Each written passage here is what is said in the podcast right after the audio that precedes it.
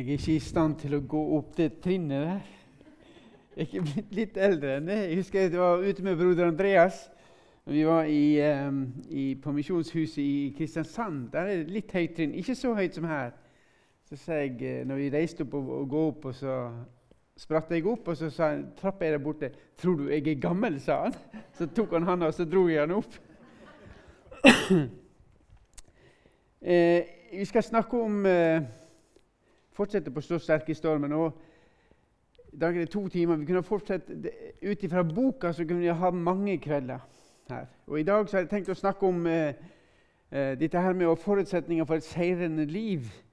Efeserne 6,11. Og det blir ikke så mange historier. I dag blir det mer undervisning på hvordan kan vi leve et seirende kristenliv eh, som kristne. Og som jeg sa sist gang, så er det dette her er noe vi har tatt og lært fra de forfulgte. Hvordan overlevde de? Hvordan klarte de å stå i det som, det som da var? Og Efeserne 6 Jeg pleier alltid å si at uh, av og til så tror vi at de forfulgte kristne trenger vår hjelp mye mye mer enn, nei, trenger Guds hjelp mer enn vi trenger den. Og På en måte så forstår jeg utsagnet, men når du da ser hva slags fiende vi har, som vi snakka om sist gang Vi har ikke en kamp mot kjøtt og blod. Altså, Det er ikke mennesket som er vårt problem. Det er ikke kommunistene. Når vi begynte i Øst-Europa, så var det heller ikke muslimene og det er heller ikke buddhistene eller hinduistene i, i, i, i India som er vårt problem. Men det er makt som står bak. Og dere, vi har den samme fienden. Vi har den samme fienden. og dere, vi trenger, Hvordan skal vi klare å stå oppi dette her? Og eh, Jeg har lyst til å begynne med det bildet av David. David da han gikk mot Goliat. Goliat kom frem og sa at hvis dere, en, hvis dere, dreper meg, så skal vi tjene dere. Og hvis jeg dreper deres, så skal, vi, så skal dere være våre slaver. Og Det var fryktelig mye som sto på spill.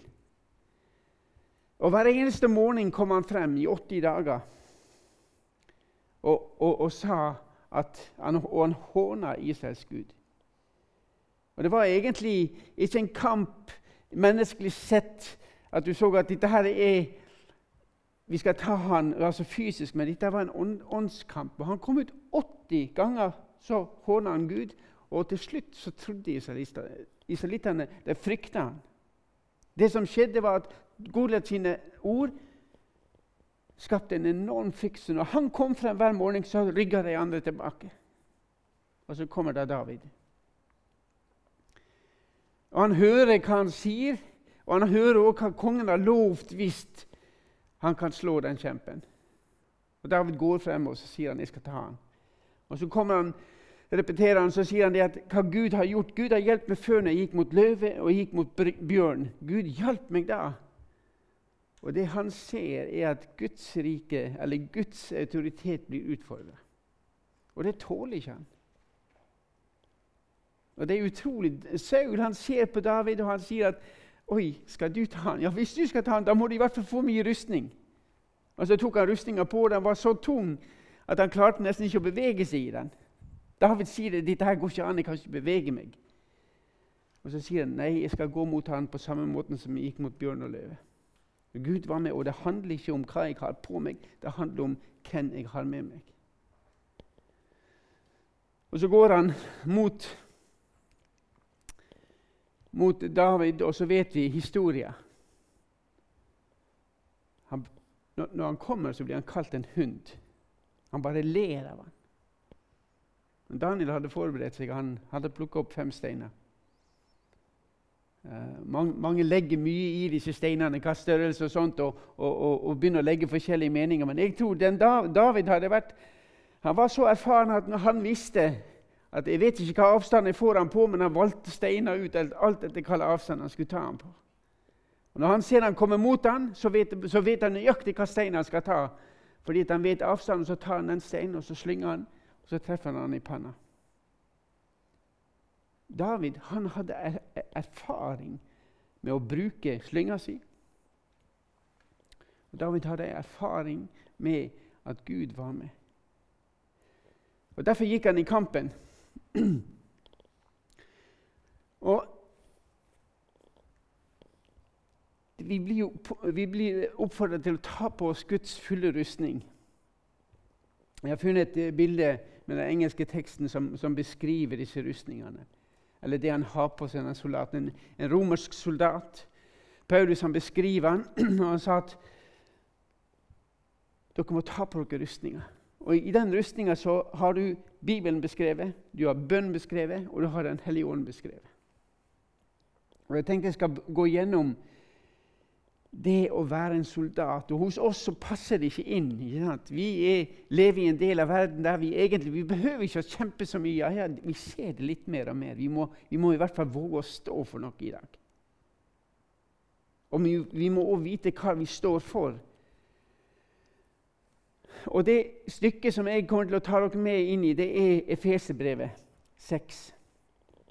Jeg kan lese det sammen med dere. Til slutt, bli sterke i Herren, i Hans veldige kraft.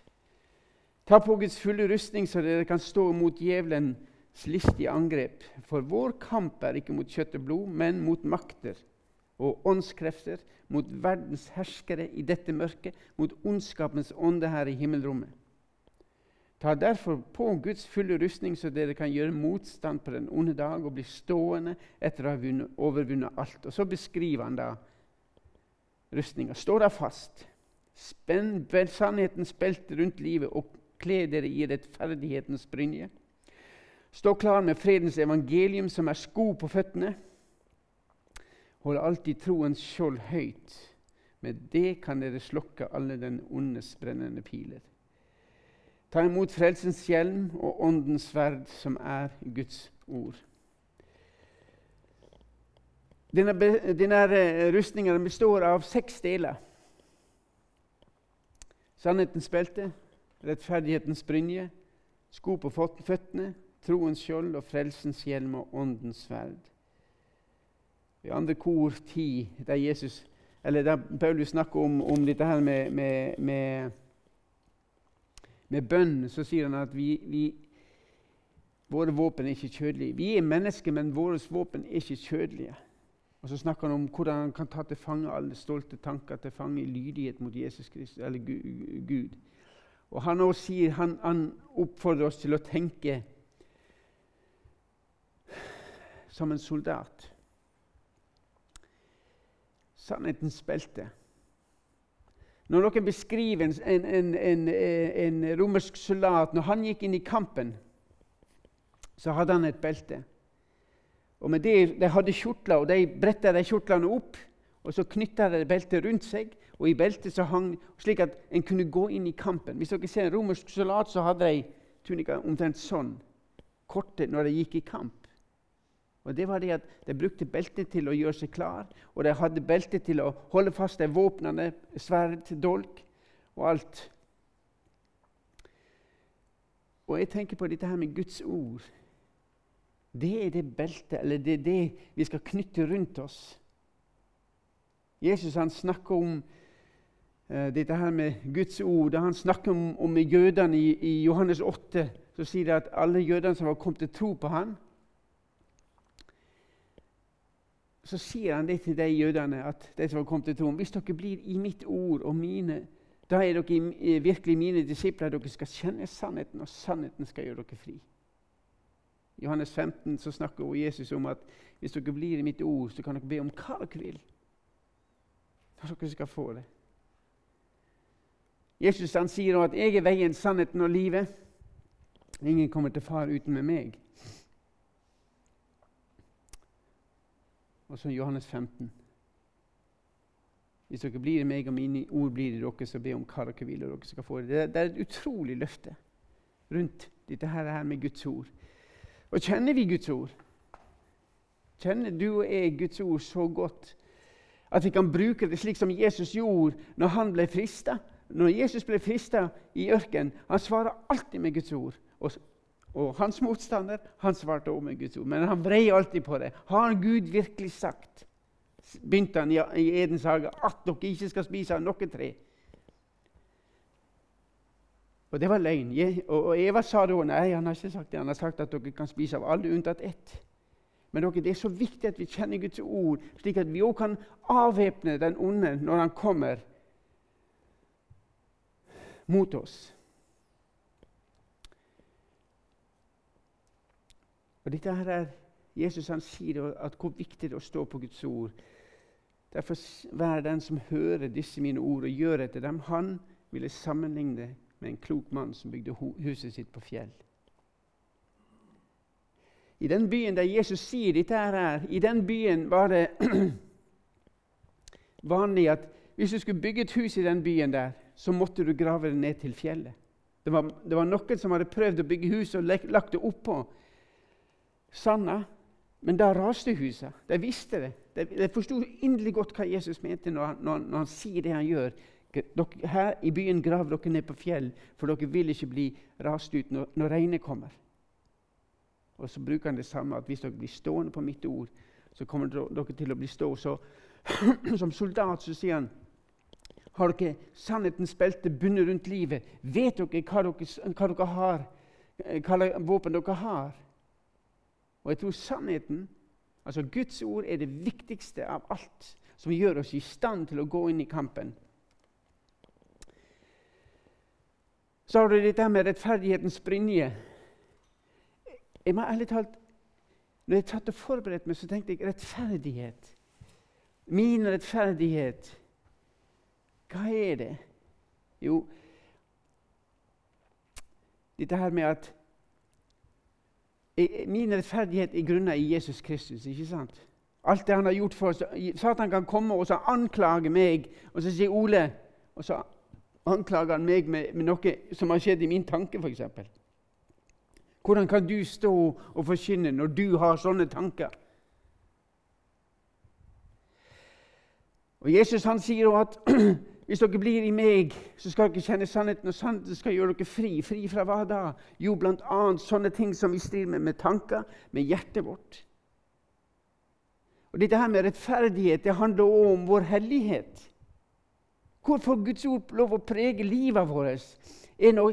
Guds det, står det at når vi leser Guds ord, så skal det ikke vende tomt tilbake til Han før det har fullført det Han vil. Og det Han vil, det er å forandre vårt indre, slik at vårt ytre blir forandra. At vi, våre handlinger blir forandra. Det kommer fra innsida. Og vårt liv skal bli prega av Jesus Kristus, slik at vi skal bli Han lik. Og det at vi blir lik Jesus, det er vår brynje. Vi kan stå oss mot den ondes, ondes angrep. Og brynja vår er at vi er blitt lik Jesus. Og Satan må fly fra oss. da. Men som jeg sa, det at av og til så blir vi anklaga. ikke sant? At Satan kommer og sier 'Hvordan kan du, Ole, stå for det og, og, tale sånn som du gjør når du har sånne tanker?' Men så sier jeg, da kan jeg få lov å si at ja, men det står 'Min rettferdighet er Jesus'. Og han har oppfylt. Vi, du kan anklage oss, men det stemmer ikke. Så det å kunne stå der med brynja Men det er en ting som står i dette her når du leser om dette. her. Brynja er laga for å dekke oss når vi går frem. Brynja dekker aldri ryggen på oss. Sånn at Brynja er ikke laga for å flykte. Brynja er laga for å gå fremover og seire. Vi skal aldri snu oss. Hvis vi snur ryggen mot fienden, så har vi tapt. Da er vi åpne, da er vi sårbare. Så at en soldat det var en som sa det. Den som oppmuntrer, den som oppmuntrer soldatene Vet du hva de gjorde? Det er et bilde som er laga av en som oppmuntrer soldatene til å gå ut i strid. Bildet er slik at soldatene står den veien med fienden mot seg, og bak står han som oppmuntrer dem, oppfordrer dem. Han står med sverd, for hvis de kommer tilbake, så dreper han dem. Det er hans oppfordring. Altså, han pusher deg fremover. Og Gud han er ikke sånn, men han ønsker at vi skal gå fremover. Og Derfor er det bl.a. misjon. At vi skal utvikle, vi skal gå frem. Og vi har fått en brynje, og den brynja er vår hellighet. Altså det er vår rettferdighet. Rettferdighetens brynje. Har dere sett de skoene som disse her, eh, romerne hadde? Det var jo sandaler, men de var full av pigger. Det var full av pigger. Og hvorfor var det det? Jo, fordi det var ofte nærkamp. jeg, jeg, jeg, må ærlig talt innrømme jeg, glad, jeg, er glad jeg ikke levde på den tida der. Jeg har sett noen av disse krigerne, krigerne, romerske herrene, hvor forferdelig det var. Men de hadde altså sånne sko som gjorde at uansett om de sto på berggrunn eller om de sto på, på, på sand, så, så, kunne de stå. Når det var noen som kom mot dem, så hadde de festa beina godt i bakken. Og hvis du ser på dette her. Vi har fått fredens sko. Vi har fått, et, vi har fått noen sko som vi, som vi kan gå fremover, og vi kan komme med fred. Og hvor mange er det ikke som roper om fred i dag? Vet dere hva at det siste vi, altså, som, som fri verden så har vi hatt fred i 300 år av de siste 4000 åra. Det har vært fred i 300 år, ellers har det vært kriger.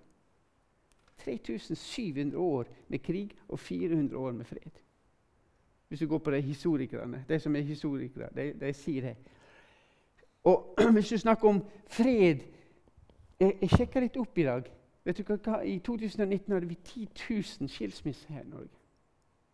Og vi som kristne vi har et budskap som kan komme inn med fred. Folk roper etter fred i dag. Og jeg tror det kommer til å bli en stund, men det kommer til å komme ei tid Av og til så har jeg lurt på hvordan skal det ha seg at alle land skal gå mot Israel. Jeg var ikke gamle karen jeg begynte å lure på det, fordi det var så mange som var for deg på den tida. Men jeg tror det kommer til å komme et skrik i verden der folk kommer til å rope etter fred fordi vi blir lei og så tror de at løsninga en dag blir la oss gå mot Israel og utslette den staten, så får vi fred. Det er det som driver verden. Men dere, vi har, som kristne har vi budskapet. Vi har fredens budskap, og vi kan komme inn og tale fred inn i menneskets liv. Jesus blir kalt fredsfyrsten, etter navnet hans. Hvis mennesker får lære Jesus å kjenne, så opplever de sann fred. Og du og jeg har vi tatt på oss de skoene, slik at vi kan i alle situasjoner komme inn med et budskap fra Jesus Kristus. Og Nå snakker jeg ikke om at vi skal prestere, men jeg snakker om at vi har fått Den hellige ånd, og at Den hellige ånd også skal hjelpe oss. Det neste er troens skjold.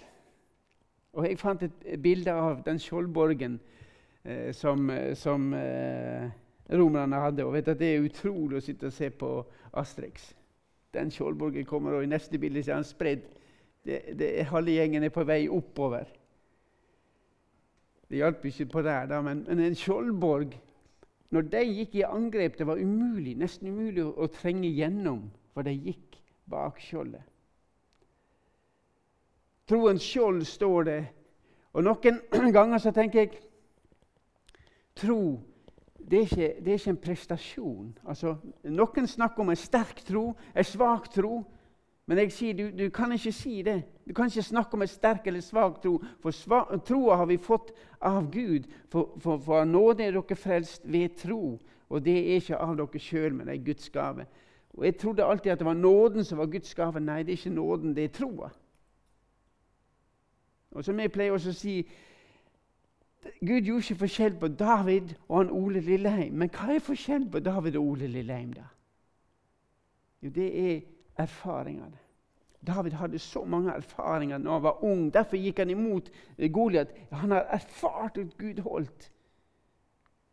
Så David hadde fått det samme mål av tro som jeg har fått, men erfaringene vi har, er forskjellige. Og Noen sier at ja, men han har en sterk tro, svak tro. Nei, han har flere erfaringer med Gud. Troa er ikke basert på noe i oss sjøl, men det er en gave. Men hvordan bruker vi den? Hva er troa vår basert på? Jo, basert på Guds ord.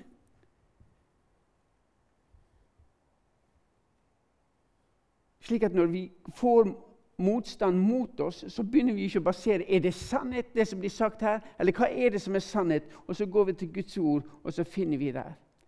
Og ikke bli som det står under her, ikke bli bedratt av omstendighetene og hendelsene du opplever. Guds ord står fast uansett. Gå i tro og ikke etter hva vi ser. Abraham.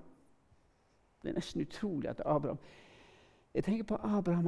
Han, han har fått Isak, ikke sant? og så får han beskjed om å ofre Isak.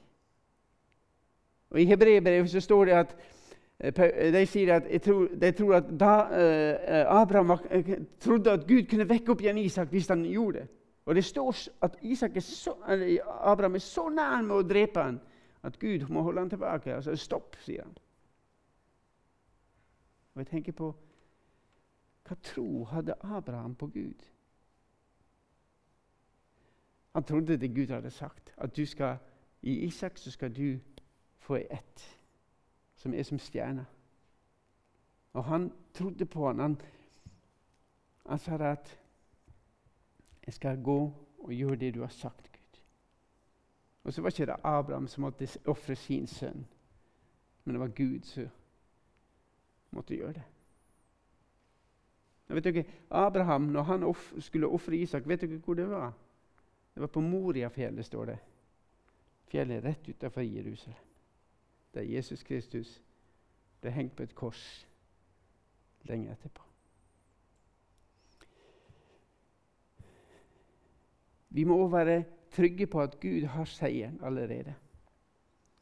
Og Noen stiller spørsmål men nettopp det. Kan, har Gud seira? Ja, men hvis du ser tilbake på, på, på Normandie Da de allierte gikk i land i Normandie i, i 45 da, Når de fikk fotfeste der, så var seieren befesta.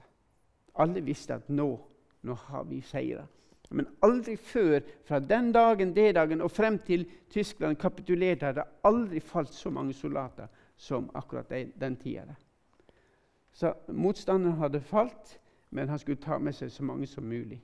Og Det er det vi opplever òg i vår tid etter, etter Jesus Kristus. at det er krampetrekninger, men han skal prøve å få, få med seg så mange som mulig. Og dere, vi har en kamp å gå inn i. Og så står det på sist, nest sist der 'sats livet på hans trofasthet'. Du, det passer ikke inn å si hos oss, men i Nord-Korea så sier de det at når, de sier, hvis det, får, hvis det skal koste oss livet, så får det koste oss livet, men vi må gjøre det Gud har kalt oss til. Hvis det skal koste oss livet, så får det koste oss livet, men vi må gjøre det Gud har kalt oss til. Og de sier at vi stoler på Gud. Vi har tiltro at Han vil utfri oss. Og vet at En soldat som har fått beskjed av sin hærfører hvis du dør, så skal du få evig liv likevel. Den som har en sånn hær, den har seira. For da har du soldater som er, ikke frykter i det hele tatt. Frelsens hjelm det var litt av noen hjelmer de hadde, men hvis du ser nøye på disse, her, så, så skal det beskytte ansiktet, det skal beskytte hodet. Og Der står det å sette på oss håp om, frelse, om frelsens, frelse som hjelm. Og det er det at vi vet hva Gud har sagt. David sier at 'Herren er min hyrde, jeg mangler ingenting'. Og det, det å kunne si det av disse som blir forfulgt da.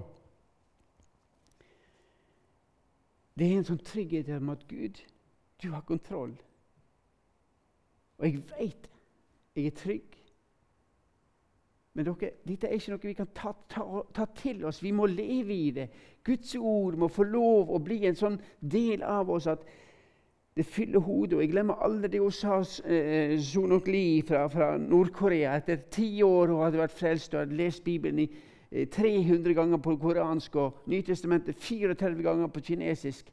Og så sier hun det var det eneste som kunne vaske tankene mine. Jeg var så gjerne vaska, men det tok det vekk. Og så satte frelsens hjelm på hodet hennes, og var helt trygg. Jeg vet hvem min Gud er. Jeg stoler på at det er sant.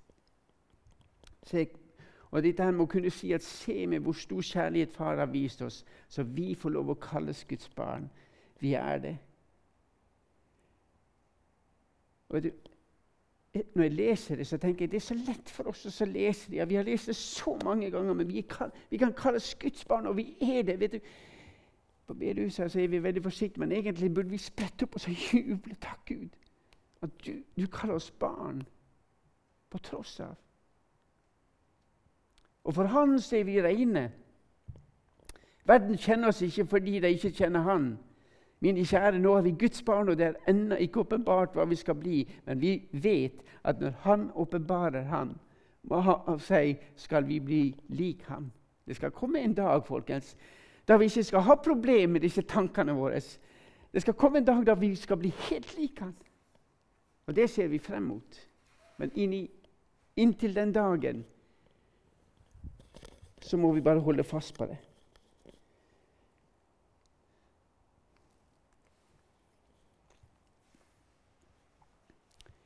Å holde fast på Bibelen og Guds ord. Og som jeg sa sist gang, jeg bare nevnte det at hver bok i Skriften er innblåst av Gud og nyttig til opplæring, til rettvisning, veiledning og oppdragelse i rettferd. Så det mennesket som tilhører Gud, kan være fullt utrustet til all god gjerning. Og Det som står her, og oppdragelse i rettferd, oppdragelse i hellighet. Jeg husker når jeg gikk på bibelskolen, så var det et ord 'helliggjørelse'. Jeg, jeg syns det var litt sånn jeg synes det var litt vanskelig, men det jeg oppdaga etter hvert, det helliggjørelse er jo noe som skjer i en prosess ut ifra Guds ord. Det er ikke en prestasjon, men det er å slippe Gud til i livet vårt. Og Gud, når han skriver boka si, Bibelen, så er det en åpenbaring av han sjøl, og at han ønsker et fellesskap med deg og meg. Han åpenbarer sin plan for denne verden.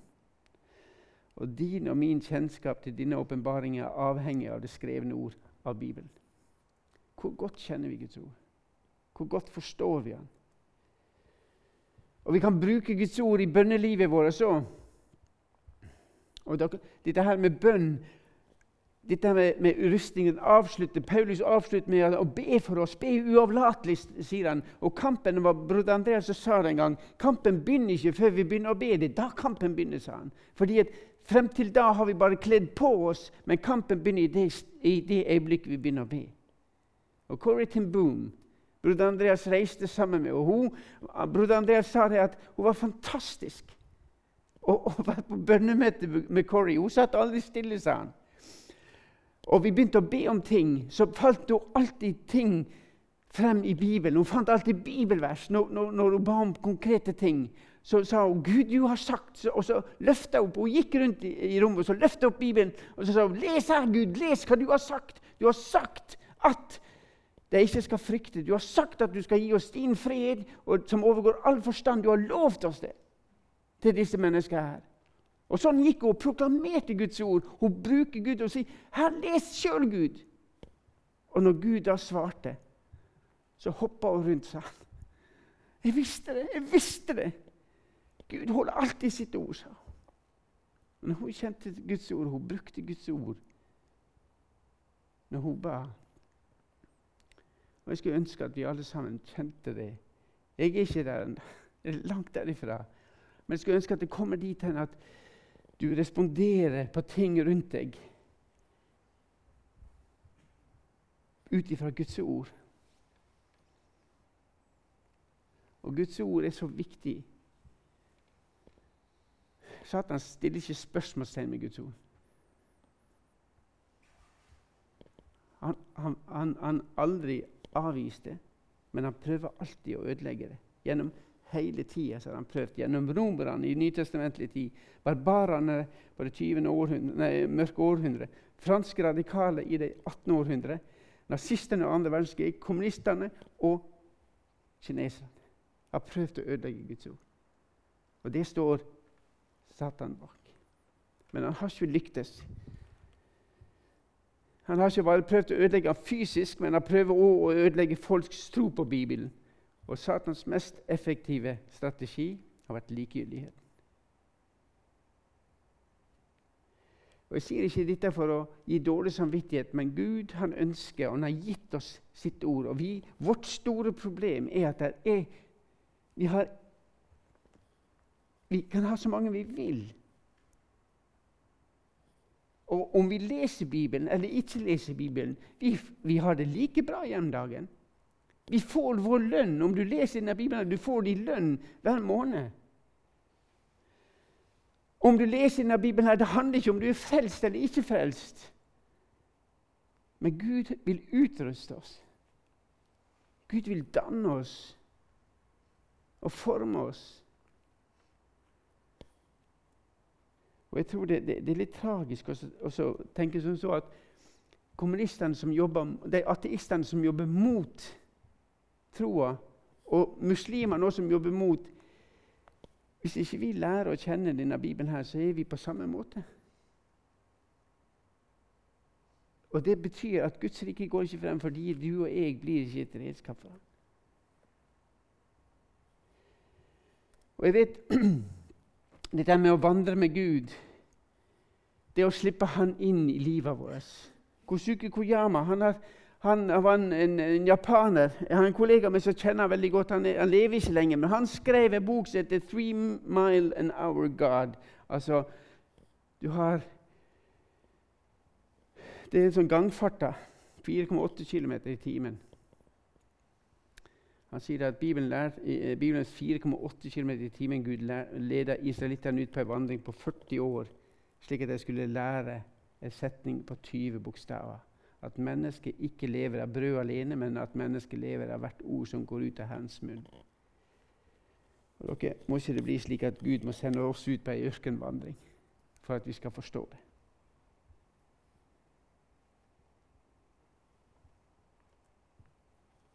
Gud han vil at vi skal lære ham å kjenne, og vi er opptatt av å tjene. Jeg nevnte dette sist gang, men jeg tar det igjen. Vi er mer opptatt av å tjene han enn å lære han å kjenne. Og Gud han ønsker at vi skal komme oss og sette oss på fanget hans. Så jeg har lyst til å si det at Vi kan leve på sultefòring. Altså det vil si at vi kan gå på gudstjenesten på søndag og så kan vi klare å overleve åndelig sett til neste søndag. Vi, vi, vi kan klare det. Og igjen så sier de at min frelse er ikke avhengig av det. For min frelse skjedde på korset. Jesus han har frelst oss. Men han ønsker at vi skal ha et fellesskap med ham. Gud er trofast, han som kaller oss til et fellesskap med sin sønn Jesus Kristus.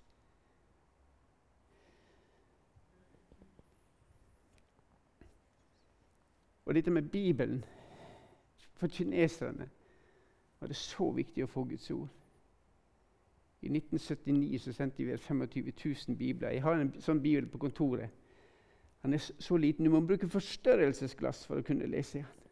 Det var et Nytestamentet. Og de jubla. 25 000 fikk vi brakt inn på ei handelsmesse i Shanghai. Det var ledere i Open Door som bar det inn. De kalte det eh, Operasjon Brokk. Det bar brokk på seg hele gjengen. Det var så tunge kofferter. Men de kineserne de hadde laga en sang, og de sangen, den, teksten er her. Gud send en bibel, for den er ditt nådige lys. Sann kjærlighet og lære og livets brød. Jeg vet for visst at ditt ord vil lede meg videre. Lys opp for meg hele veien hjem. De sier jeg trenger lys på veien hjem. Og så fikk vi lov å bringe én million bibler. Vi dobla bibelantallet i Kina på en natt 18.6.1981. Mange betalte en enorm pris, men de sa at så lenge biblene i sjøen ble levert med en lekter Men med en gang biblene kommer i land, så tar vi ansvar for det. Vi, vi er villige til å betale med livet vårt. Og Den vekkelsen som brøt ut i det landet etterpå de biblene kom inn, var helt enorm. Og Guds ord vender ikke tomt tilbake, men du og jeg, hva gjør vi med det? Og Så kan vi gå videre til dette her, som jeg sa, bønn. Det er når bønn begynner, at kampen starter opp. Pastor Tu fra Vietnam han fortalte det at har du problem, så be. Når du får flere, problem, så be mer. Og så sto det i, i deres menighet De hadde et kjempeproblem i den, i den menigheten. Det gikk fra 29 stykker til 5000 i løpet av kort tid. Men bak på tavla, bak talerstolen, så sto det 'Takk Gud under alle forhold'. Gud under alle forhold. Men han sier dere må be. Og dere, Dette har jeg vist før. Det er snakk om bønn. Filip Jansi har sagt folde, nei, Karl Barth sier å folde hendene i bønn er et opprør, begynnelsen på et opprør mot alt som har gått galt i denne verden. Og, dere, og vi som kristne trenger å, å, å komme sammen. Bønnemøter er det vanskeligste å komme sammen på. Men hvis du går og ser på historisk sett, alle vekkelser har begynt med at det er noen som begynner å be. Og Derfor er det så vanskelig å be. og Philip Jansis sier at bønn er den handlinga som får oss til å se virkeligheten fra Guds ståsted. Noen I Åpne dører er ikke vi deprimerte pga. at folk blir forfulgt, for vi ser at Guds rike blir forkynt der ute. Derfor blir det forfølgelse. Og Philip Jansi har også skrevet noe helt spesielt om bønn. og Da skriver han hva vil det skje hvis vi helt bokstavelig fulgte Jesu befaling om å elske våre fiender og be for dem som forfølger oss. Hvordan ville det påvirke de kristnes omdømme i landet vårt hvis vi ikke var kjent for å ha adgang til parlamentet eller til regjeringskvartalet, men for å ha adgang til himmelen på vegne av dem som dypt og inderlig er uenige med oss? De, kristne i apostelsgjerningenes tid gikk aldri i protesttog mot myndighetene. De ba. Og Jeg tror vi har mye å lære av dem. Og dere, vår kamp er ikke mot kjøtt og blod. Men vi har en kamp mot makter, mot åndskrefter. Og Paulus sier ta på dere Guds rustning. Og dere, Guds rustning det begynner her. Dette er begynnelsen. Hvis vi begynner å la dette prege livet vårt enda mer, så er vi i ferd med å begynne å kle på oss. Og Det fantastiske oppi dette her i Den hellige ånd.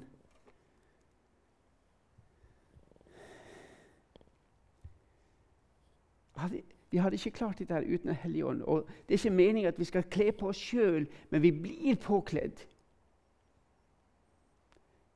Når dere selv er onde, vet å gi barna deres gode gaver, hvor mye mer skal ikke da Far i himmelen gi Den hellige ånd til den som ber Han?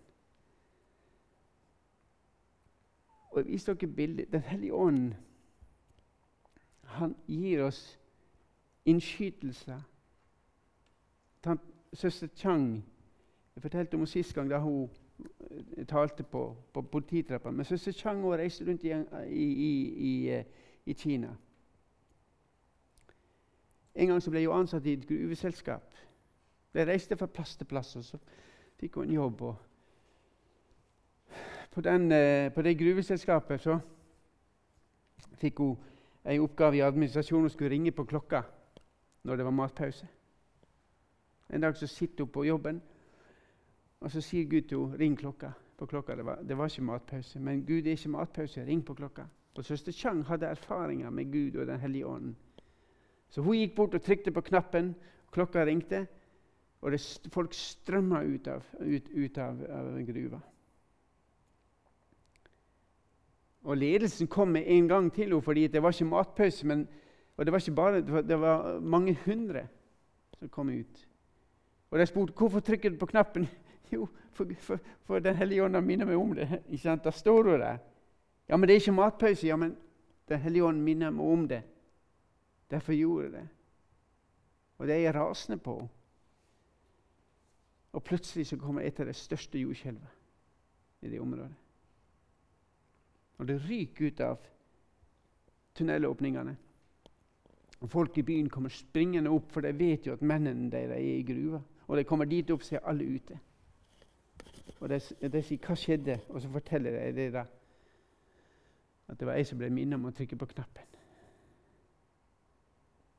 Og 400 av de som jobba i gruvene, de ga livet sitt til Jesus i løpet av kort tid. Når de fikk lov å høre tid. Og dere, når jeg hører det, så tenker jeg Gud han ønsker å bruke deg og meg sånn. Gud ønsker at vi skal, som, som, soldater skal få et lydhørt hjerte, slik at vi hører og han taler til oss.